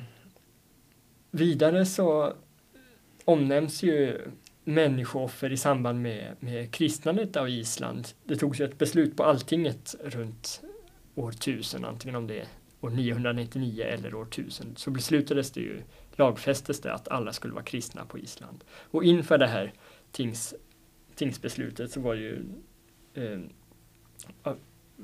var det ju väldigt konfliktfyllt på, på, på Island där, att det var dels de hedniska eh, företrädarna och sen de kristna företrädarna, de ville inte ha, de kunde inte enas och ha samma lag helt enkelt. Eh, så att det höll på att bli inbördeskrig på Island och då ska man ha offrat inför det här tingsbeslutet fyra människor, en från varje fjärdedel av, av Island. Eh, för att eh, stärka gudarna och se till så att kristendomen inte skulle vinna. Mm. Men dels så nämns det här utlovade eller genomförda människooffret, det nämns inte i den äldsta källtexten som är Ari Frodis eh, islänningabok. Ja, som är den, räknas som den mest pålitliga källan till mm. den tidigaste isländska historia. Precis, och den som, det är den som ligger till grund för de här senare eh, versionerna av samma, samma händelseförlopp mm. som återfinns i Landnamma bok och Kristni saga och så vidare. Kristni saga, det är alltså betyder saga om kristen, kristning, kristendomen. Eh, mm. Landnamma bok är den stora ja, närmast katalogen med fullt av små historier om, om eh, landname på Island, så landtakingar på Island, att folk slog sig ner på Island och tog varsin del av landet. Ja, och där, där, där, där det står ja, men inte i den äldsta. Ja. Mm, Nej, precis. Mm, så, ja. så därför är det ju eh, det är ganska märkligt, men å andra sidan eh, också lite underligt om man skulle hitta på ett människooffer i efterhand mm. eh, i det här sammanhanget. Ja, och det är så pass central händning, så viktig Precis. händning att det borde vara en, en, en, så stor och drastisk ting att göra att den skulle mm. kanske vänta att det vart nämnt i Islänningar visst det, visst det skedde. Precis. Och hur det här eh, människooffret eller utlovade människooffret nämns är också lite speciellt för det är nämligen de kristna eh, företrädarna som samlas. De håller som en eget litet eh, liten stämma eller ting och eh, där är det de, några av hövdingarna där beslutar sig för att eh, precis som de hedniska företrädarna har valt att offra en man ur varje fjärding eh, för att eh, mot, mota kristendomen eh, så ska vi istället eh, medan, medans de hedningarna väljer de, de värsta av män, de väljer kriminella och eh, liknande och, och har det gällt om genom att störta dem ut för klippor och stup eh, så ska vi istället leva gudfruktigt och bli eh, en segergåva för Jesus Kristus istället. Så att de omtolkar ett eh, hedniskt offer till, till en kristen version. För att, så att de utgår ifrån helt enkelt det här hedniska människooffret men gör det till en kristen version, en motsvarighet där de själva ska vara vara offergåvorna. Mm. Ja, det, det. Så att det, det ja. Men mm. den, den, är ganska märklig och det här att eh, offret sker genom att man störtar ut eh, offergåvan utför ett stup är också väldigt eh, udda. Det finns inget mm. liknande i någon annan källtext riktigt. Det är ett sätt som man tar död på, på eh, ja, kriminella eller mm. trollkunniga av olika slag. Mm. Eh, det närmsta är en kanske en, en häst som var vigd till, till guden Frö eller Frej som störtas ut för ett stup och dör på det sättet. Mm. Men, men några, några, offer av det slaget har jag inte Rams, Ramskällsaga. Mm. Mm. Ja, nej, nettopp, okej. Okay. Tjalnässing-saga nämnde du också. Ja, där nämns det en, en kalendarisk kult med människooffer på, på, på Island. Eh, och då är det helt enkelt en, en gård som heter Hov. Mm. Eh, alltså Hov som är, betyder kultbyggnad eller tempel eller helgedom. Eh, eh, och där ska man ha offrat eh, boskap och människor till Tor och man ska ha samlat blodet i, en, i stora skålar och man ska ha eh, använt någon typ av kvistar som liknar eh, eh, Ja, björkeris. Ja, precis. Eh, liknar de här vigvattenkvistarna. Eh, och så ska man ha stängt blodet på de som ska, ska offras. Mm. Eh, och, eh, den, och det nämns ju också kalendariska offer på, i, i, i Öjrbygga saga, en kultplats också helgad åt Tor då, där man ska ha offrat människor. Eh, och jag, i min studie, i min avhandling här så menade jag att eh, eh, det här är minnen från hur kulten såg ut, att man hade ett minne av att människooffer förekommer i den här kalendariska kulten på, på fastlandet, i Norge helt enkelt. Mm. Eh, och eh, i Sverige också för den delen. Men, eh, men att eh, det är tveksamt att den här formen av Eh, kalendarisk kult som inkluderar människor ska ha kunnat följa med till Island eftersom det saknas den typen av samhällsstruktur. Det finns ingen, ingen härskarmakt, det finns ingen kung på Island som kan bekosta de här människooffren. Eh, och att därför så faller ju lite av eh, grundstrukturerna för att kunna upprätthålla den här typen av kalendarisk kult som säkert var som däremot var levande på, på skandinaviska fastlandet. Men, men tveksamt om den kan ha följt med till, till, till Island. Mm. Så där ligger ju kanske tolkningsfrågan snarare i, eh, i samhällsskicket på, på, på Island och den religiösa organisationen kanske. Eh, för Ja, för den var decentraliserat och det var små ja, förhåll, det var hövdingar. Det är små hövdingar som regerar ja. tillsammans snarare med, via alltinget och så vidare. Ja, det, delar på makten, för samfundspyramiden med flat, bred flat topp är det mm. vanligt att säga. Mm. Ja, okej. Okay. Um, ehm, kanske gå lite mer in på, för vi går till det viktigaste arkeologiska funnet, det här med kalendariska funn. Uh, kan du säga lite mer? Ja, kalendarisk kult. Uh, det är ju eh, till skillnad från till exempel eh, det som jag nämnt med Erik Segersäll som offrar inför en strid och så vidare. Så, så i mm. de situationer... Håkon Jarl. Och Håkon Jarl och ja. eh, även Helge Trauste som mm. är mer situationsbundna och knutna till just det krigiska sammanhanget. Att man offrar för att få, få seger i strid och framgång och bli segerrik och så vidare. Mm. Däremot så är den... Eventuellt, eventuellt säger att de som vi drep i striden, de är offer. Ja, precis. Ja, mm. ja okej, okay, men och eh, den kalendariska kulten utgår, den är mera regelbunden istället. Den är mm. uppbyggd mm. kring eh, årets högtider och den fokuserar mera på att upprätthålla eh, eh ett eh, fungerande samhälle. Den fokuserar på fruktbarhet, att åkrarna ska gro. Det här begreppet år och frider är mm. väl central de centrala termerna i, i just den kalendariska kulten. Gott, gott år och fred, god, god övning och fred. Precis, mm. så att det ska det, eh, och den här freden innebär ju inte ett eh, avståndstagande från, från att föra krig mot andra, eh, till exempel plundringståg och eh, krigföring mot andra, andra riken, men däremot att det ska råda frid inom det egna samhället och mm. eh, givetvis att det ska bli ett gott år. Så. Ja, så det står i högtiden att ändå offra för att få till. Precis. Få till, ja. eh, och antagligen så har man har återkommit till, till, till Skede mosse har man då återkommit, antagligen inom en, någon form av kalendarisk kult. Eh, under oerhört lång tid som man har offrat djur och människor och under eh, perioden 200 till 500 efter Kristus där. Alltså eh, under äldre järnålder så har man också haft väldigt mycket vapen, enorma mängder vapen som man har offrat mm. i den här sjön. I likhet med till exempel i Danmark och norra Tyskland. Så det är en, insjö på Öland som är ut, Mm. dränerat idag kanske? Ja, idag är den dränerad så det är mest, den är ju lite, lite våt kanske men, men annars är det mest åkermark. Mm. Och det var så man hittade den här kultplatsen Mm. eh, just för att man hade dränerat den och det dök upp enorma mängder ben i, i jorden som man plöjde. Mm. Och eh, bönderna på den här platsen de brukade samla in alla benen hela tiden och elda upp dem eller använda dem som, som eh, gödsling.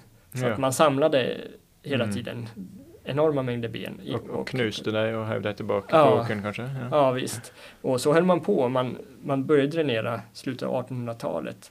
Och det var först eh, på 1900, mitten av 1900-talet som man började utföra arkeologiska utgrävningar. Ja, på er platsen. vi på det viktigaste arkeologiske funnet, for dette, dette er den viktigaste, kanskje den aller viktigaste funnstaden. Ja, precis. Ja. Mm. Och fortfarande då alltså hundra år senare av jordbruk och uppbrändande av bortforslande av ben så hittar man fortfarande jätte enorma mängder Mm. eh, med djur och människoben Ja. eh, och vapen på den här platsen. ja, så det har vært Så enormt varit stor aktivitet Ja. der, da. Ja. helt, helt eh, Mm. enormt mycket måste det ha varit från. Hva dateringar er det? Det är ända upp till slutet av, av vikingatid så att i princip hela, eh, hela järnåldern Ja. från eh, och någonstans Kristi födelse och uppåt. Her Ungefär tusen års ja, kontinuitet. Og på, på Ørland, jeg vet ikke om jeg nevnte det. Ja, precis. Øy, øya precis. Ørland. Ja.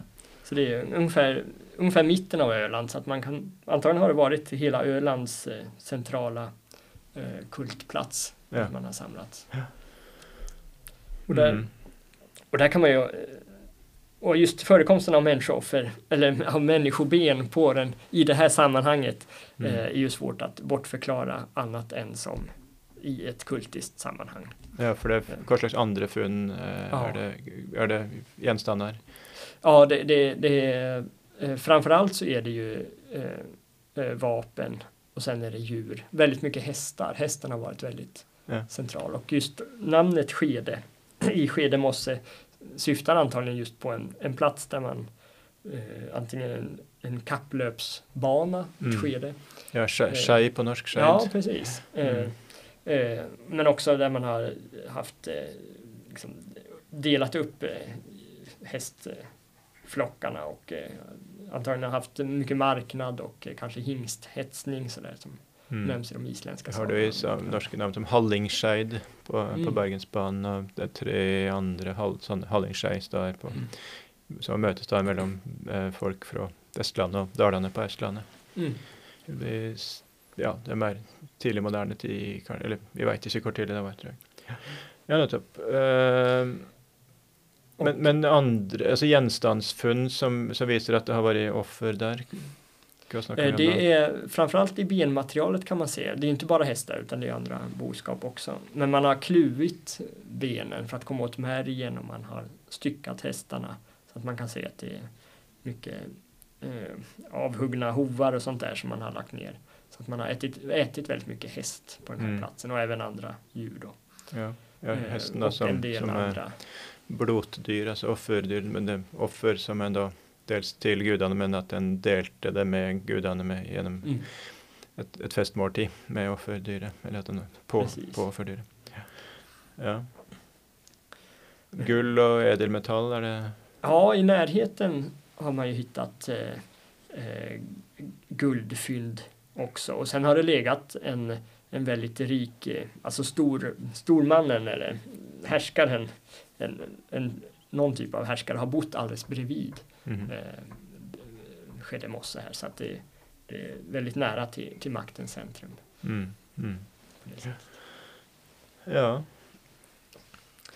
Så det, det är väl en av de, den största eh, offerplatsen som Mm. eh, kan nämnas. Mm. Men en annan viktig offerplats eh, eh, det är den, det är också en utdikad sjö, Bokaren i, i Uppland. Det är inte så långt ifrån Gamla Uppsala i princip. Mm. Eh, där har man hittat eh, hä- också hästar och eh, människor men också ett, eh, ett, eh, en gris då. Eh, som man har lagt ner i en sjö och det intressanta med den här platsen är att hästarna har man avlivat genom att slå dem väldigt hårt i pannan. Mhm. Vilket är det vanliga sättet att eh, ta, eh, ett vanligt sätt att ta död på, på, Mm. på hästar, antagligen i, Mm. i, även i offersammanhang.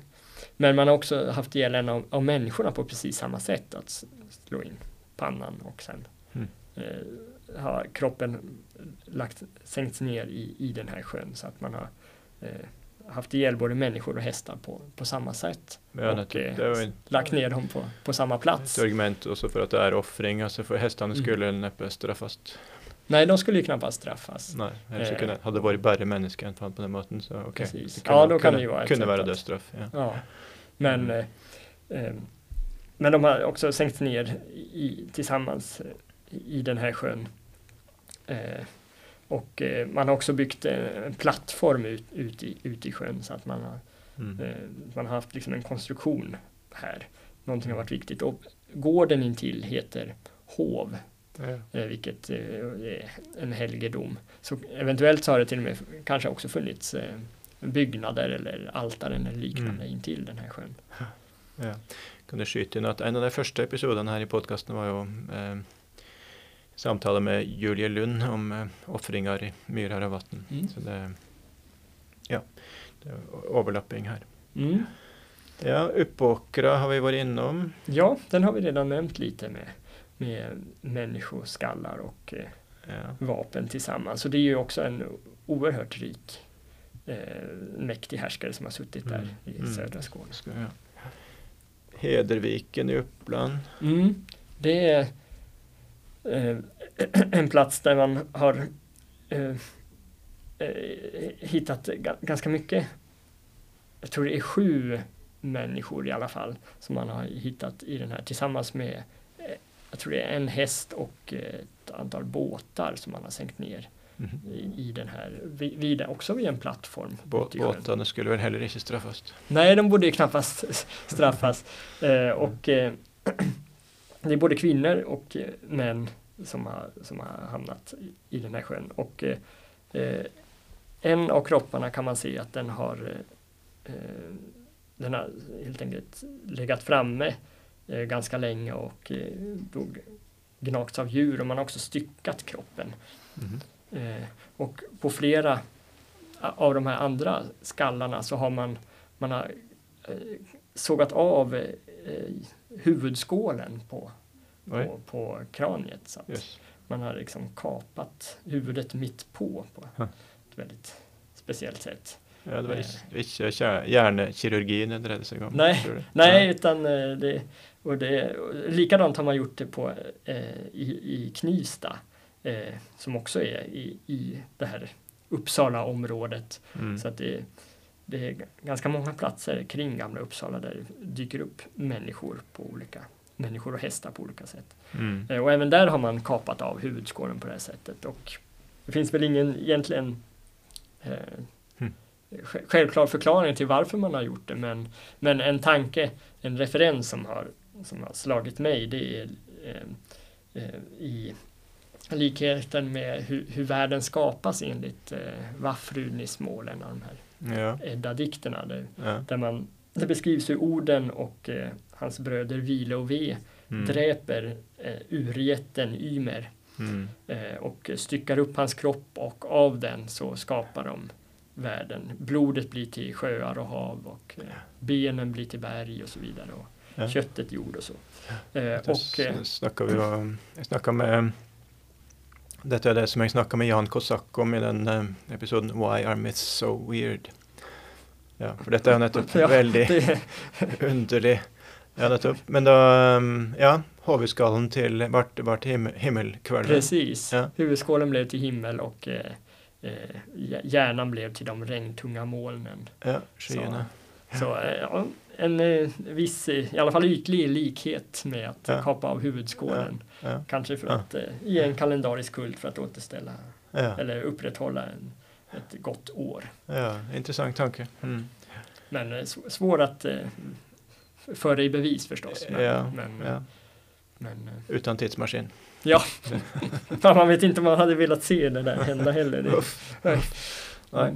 Nej.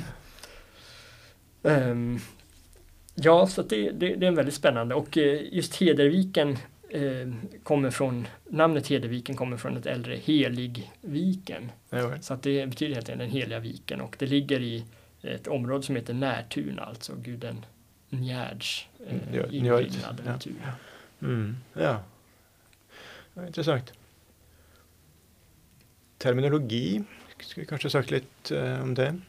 Ja, det finns ju ett antal eh, fornnordiska termer som, som jag då har använt i min studie för att eh, se vad, när jag söker efter människooffer och jag har även sett, finns det något andra, andra textexempel där det kanske inte är lika tydligt att det är människooffer som nämns eller idén om offer överhuvudtaget, om man ska kunna spåra den så, så har jag tittat lite på terminologin och eh, blota, alltså blot är väl kanske det, det mest välkända och kanske även det, ett av de vanligaste eh, termerna för, för mm. den här offerkulten mm. av både människor och djur. Manblot brukar det ofta stå. Etymologin till ordet är väldigt uh, oklar men i alla fall det blir mm. brukt om, om offring. Uh, ja precis, uh, offring ganska, och ganska att, fram.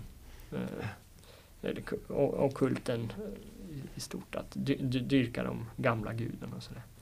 Men också ordet geva, alltså att ge över, alltså att ge någonting, ge en gåva helt enkelt till gudomen. Det är väldigt frekvent, för, väldigt vanligt förekommande, inte minst i, när det gäller att ge till orden, ett uttryck som återkommer väldigt ofta. Mm. Så, så blota och blota och geva är de två termerna som är allra vanligast och annars så är det en, en del andra termer som i princip har samma eh, samma betydelse som geva, som sälja och eh, ja, sälja är helt som i modern tid idag och sälja idag är knytt, eller då må det vara en handel, en transaktion mm. helt klart. Du får detta, jag får detta Precis. tillbaka. Men, men sälja den gången kunde vara mer bara att överräcka, överbringa. Ja, precis. Mm. Så, så liknande. Ja, och, och geva, man kanske precisera att um, geva då till Odin mm. eller det då är som mottagare. Ja. Precis. Mm. Så det, de uttrycker ju den här eh, kärnan i definitionen som jag använt just att det är en kommunikation eh, genom en gåva till, ja. till gudomen. Så att ja. geva och sälja och mm. även ordet gjalda, alltså gälda, mm. eh, är ju samma, sa, samma grundbetydelse Ja. Även om Gjalda också kan innebära att det finns en förpliktelse att ge någonting. Att man återgäldar eh, till exempel orden eh, som för att man tidigare har lovat att ge en, en gåva eller man har redan fått seger i strid eller liknande. Mm. Då återgäldar man genom att ja, gengälda. överräcka mm. något. Mm. Ja. Gengälda. Ja. Och sen finns det termer som är mera, mera oklara, till exempel ordet röd, alltså rödfärga, mm. eh, som används ibland i offersammanhang, att man rödfärgar altaret och liknande. Mm. Eh, men eh, själva ordet i sig betyder ju, det är ju profant så, det betyder ju rödfärga, men ofta används det om just att rödfärga med blod på olika mm. sätt, antingen mm. i offerkulten, att eh, rödfärga med blod så, eller i strid att man rödfärgar genom. Ja. Men kanske också att de här två smälter ihop där i mm. vissa stridssammanhang där rödfärgandet med blod genom eh, striden också blir ett slags rödfärgande som mm. om det vore en offerkult. Ja, men med blod hellre än konditorfärg. Ja, ja, nej, blod ska det vara. mm. Ja, vi har när vi snakker om eh, texter och arkeologiska funn, eh, så har vi ju då ikonografisk, altså billighet, eh, mm. som har överlevt från fra vikingtida. Da er det jo spesielt, en speciellt känd eh, billighetsstein fra Gotland, eh, Stora Hammars på Gotland. Eh, den, den är du inne på i avhandlingen Ja, den nämner jag. Eh, det ikonografiska, alltså bildmaterialet, det är ju väldigt svårt även där förstås att säga vad intentionen är bakom det hela. Det, är svårt att skilja ett, eh, ett eh, människooffer från ett dödsstraff till exempel. Mm. Men just på Stora Hammars eh, lärbrostenen eh, där är det ju eh, dels är det fåglar som rör sig hela tiden mot den här eh, de, dels så är det ju längst till vänster finns det en person som hänger från ett träd, en väpnad krigare som är Mm. hängd i ett träd. Mm. Eh, och till höger om dem så är det, eh, är det tre män, en som står och rör vid vad som ser ut att vara en sten eller ett altare och sen är det en man som ligger över ett På annat, rygg. På, ja, precis. Eller på Mm. mage. Han ligger på mage. Och gör det? så. Okej. Mm, Ja. på, eh, så som det ser ut. Så som eh, Sune Lindqvist har tolkat eh, Mm. ristningen. Och sen är det en man som står med ett spjut och är redo att sticka den här liggande Mm. mannen. Eh, antagligen då att offra honom över det här altaret.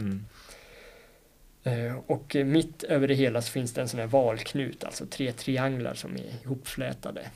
Vilket Ja. eh, brukar återkomma på de här eh, bildstenarna i, i någon slags eh, i vad som verkar av, av, avbilda något eh, eh, mytiskt eller religiöst Mm. sym, symboliskt viktigt. Mm. Men du tviler på, på i alla fall det här med han som ligger på steinen och ska stickas? Ja, för vad jag har förstått så, så nu när man har gjort eh, en modern optisk 3D-skanning av de här eh, stenarna så är det, det är väldigt utsuddat eh, eller utnött det stenarna är. Utviska och nedslitet? Ja, Ja. så att man kan inte längre avgöra man kan inte se det som Sune Lindqvist eventuellt kunde se på Nej. Nej, för det är 1940-talet. kalkstein, Ja. det, så det, är, Ja. det är problem på mange av de billedsteinene. At det er det bildet som er avtegna av de første forskerne, eller tidligere forskere, det, Mm. vi, Det är det kan, bästa. vi, har proble Ja. vi, har, vi har problem med å få verifisert det fordi at Ja. steinen er dårligere i dag. den Ja, precis. Ja, ja. Stenen var som bäst då, men, men eh, metoderna var inte som bäst Nej. då. Nej. Eh, ja, och det är en väldigt skör sten, liksom. den, Mm. den nöts väldigt lätt. Mm. Eh, så att det är svårt att verifiera den delen av stenen. Men däremot den hängde, hängda krigaren längst till vänster, det är ett motiv som man tror att man till och med har hittat på en annan, ännu större bildsten Mm. i, i, på Gotland. Dock bara, den är sprucken och trasig. Man har bara hittat ett, en, ett fragment av den här stenen. Men Mm. det fragmentet verkar visa just en, ett, eh, ett likadant motiv med det här trädet Mm. som är nedböjt så att en man hänger i det. Mm.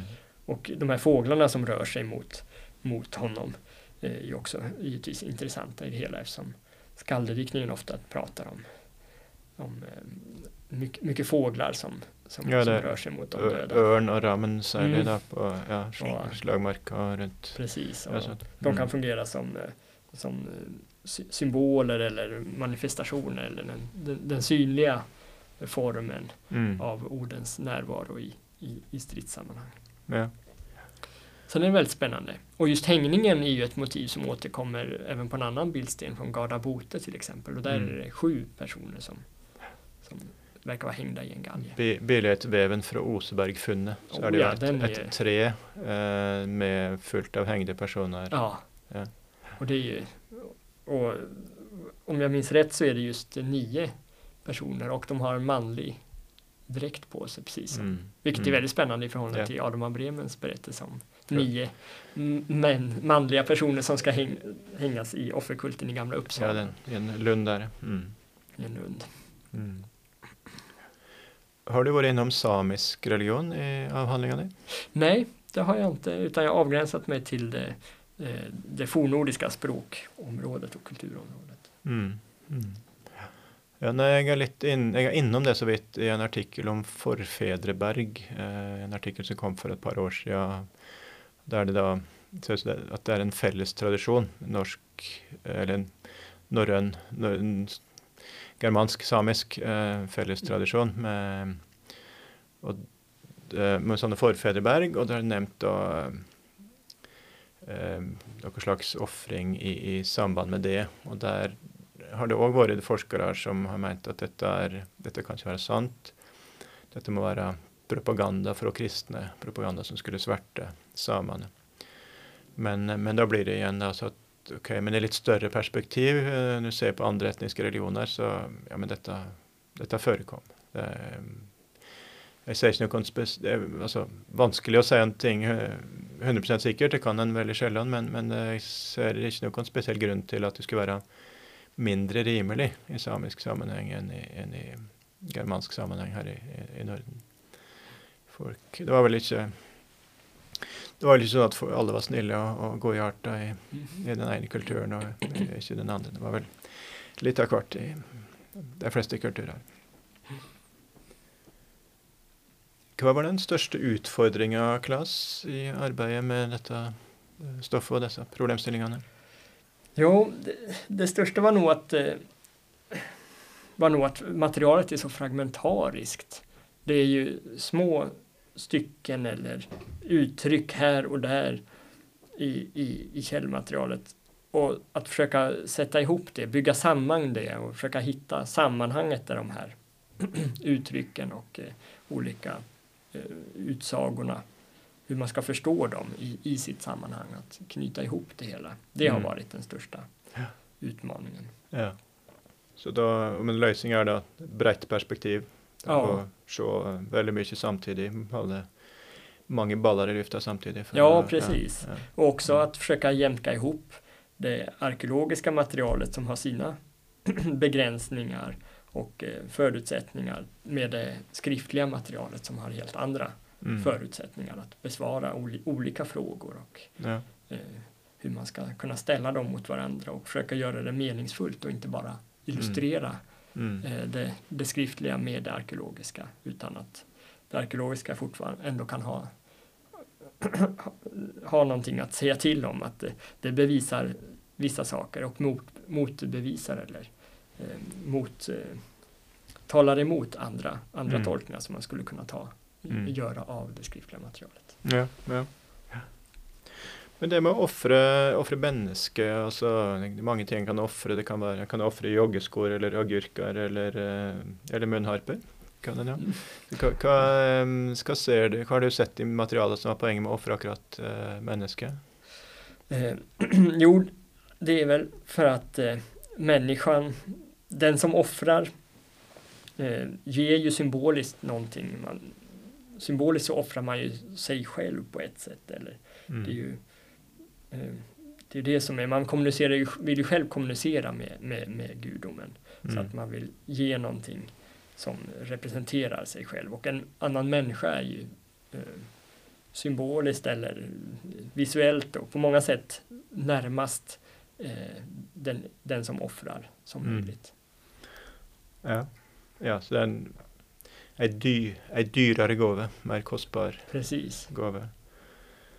Ja, och då med varianter då, offre son. Vi har ju också i Bibeln mm. Isak mm. som ska offras av faren. Eh, men då Gud ska bara sätta honom på pröv då, om, om han verkligen är villig till att göra det. Och så i sista sekund så griper han in och hindrar att det sker. Mm. Eller offre konge då, som variant av människooffer, alltså att det är mm. ändå större. Det all, ja. Precis, från samhällets eh, eller gemenskapens sida så är ju kungen då alltså det, det högsta offret man kan mm. avvara. Ja. Och från personen så är det son. Måste det ju vara sonen då, ja. om man inte är sig själv eller sonen. Ja, det, så. ja att det är, när det är dotter så är det för på hur man ser, ser på sig själv. Ja. Ja. Men när det är dotter som är det dyraste en kan offra så är det för det var en, mm. den typen samfund som, som det. det var. Så, ja. Men är det inte något lite tvetydig dersom eh, For det kan väl vara ett gräns, en gråzon mellan det mm. och um, offra ett människa till en gud och, och det att avrätta ett människa som straff för, eh, för något, ja, ett brottsverk som är gjort. Hur smigrande är det för en gud att få något som vi önskar att kvitta oss med? Ja, det kan man ju tycka är liksom nästan vanhedrande att eh, om man offrar en, en dömd brottsling eller en, ja. en fiende, en krigsfånge istället. Ja, det blir eh. sånn att vi kan, eh, så här ska du få en bil. Ja, förresten, du ska få ett bilvrak. Mm. Helt ubrukelig. eller en livsfarlig bil, den kommer å krasje på första tur. Men, ja. men, men ja, det är något tvetydig med det där. Ja, ja, det är det ju absolut. Eh, gudomen får ju får ju på ett sätt eh, livsprincipen av det här eh, den här människan eller djuret eller vad det är man, man offrar. Så att, eh, man stärker ju fortfarande sin, sin gudom då genom det här offrandet. Men också att det är ett, en, en symbolisk gåva som, som, som fortfarande representerar en själv, men givetvis så en dyrbarare gåva även för, mm. för en själv kommer ju vara en, en, en mer storslagen gåva till, till gudomen. Så att det ja. på det sättet. Men, men eh, i alla fall i krigssammanhang så verkar det som att, som att orden hela tiden strävar efter den här eh, eh, han eftersträvar kriget och stridigheterna. Han verkar nästan frodas av att befinna sig eller det ska utföras det här våldet och striden och dödandet det ska ske så att han, han nästan söker näring eller får ja. livskraft av det hela. Så att, att, eh, men det med att offra krigare, alltså de krigarna som vi drep i detta slaget, fiendekrigarna som vi drep i slaget, de får Odin. Det ger ju mening för uh, Odin, alltså han samlar ju runt sig en flock av einherjar med hans krigarfölje och då kan vi tänka oss uh, att de ska hjälpa han i, i Ragnarok Just. mot Jotnane och andra motståndare. Men det blir, selv om det faktiskt inte blir sagt eh, i källorna att einherjarna är med och slåss där, men så mm. det är väl rimligt att tänka sig något sånt att han tränger de bästa till, mm. till detta. Då var det på tio att runda av, uh, tror jag, Klas. Detta blir en mm. rekordlång episode. Ja. Men det är ett spännande, ja, det är ett spännande tema. Omfattande ämne. Mm. Ja. Du Klas, eh, dersom du hade levt för 100 år, nej, 1000 år sedan drygt, eh, vad ville du ha, ha givit till Odin som ett speciellt fint offer? Ja, jag hade nog faktiskt hållit mig ifrån orden så mycket det bara går. För ja. Det verkar ha varit en, en eh, ganska maffialiknande bundsförvant om man vill ge sig in på, ja. Ja. på den vägen. Så jag hade nog eh, försökt offra så lite som möjligt tror jag. Ja, ja, ett bilvrak kanske? Ett bilvrak hade kanske varit lagom. en mungiga kanske. Ja, stämmer. Munharpe, ja. Det, mm, ja, men det var fint. Det är en liten ting som, som du sätter pris på som han inte kan eh, Ja, det är inte så lätt för han att dräpa någon. Nej, nej med, då känner jag mig trygg. ja. Nej, men ska vi mm, Ska vi ge oss där? Ja. Ja, tack för praten. Stort tack! Du har nå hørt en podkast fra Høgskolen på Vestlandet. For å høre flere podkaster, besøk hvl.no slash podkast.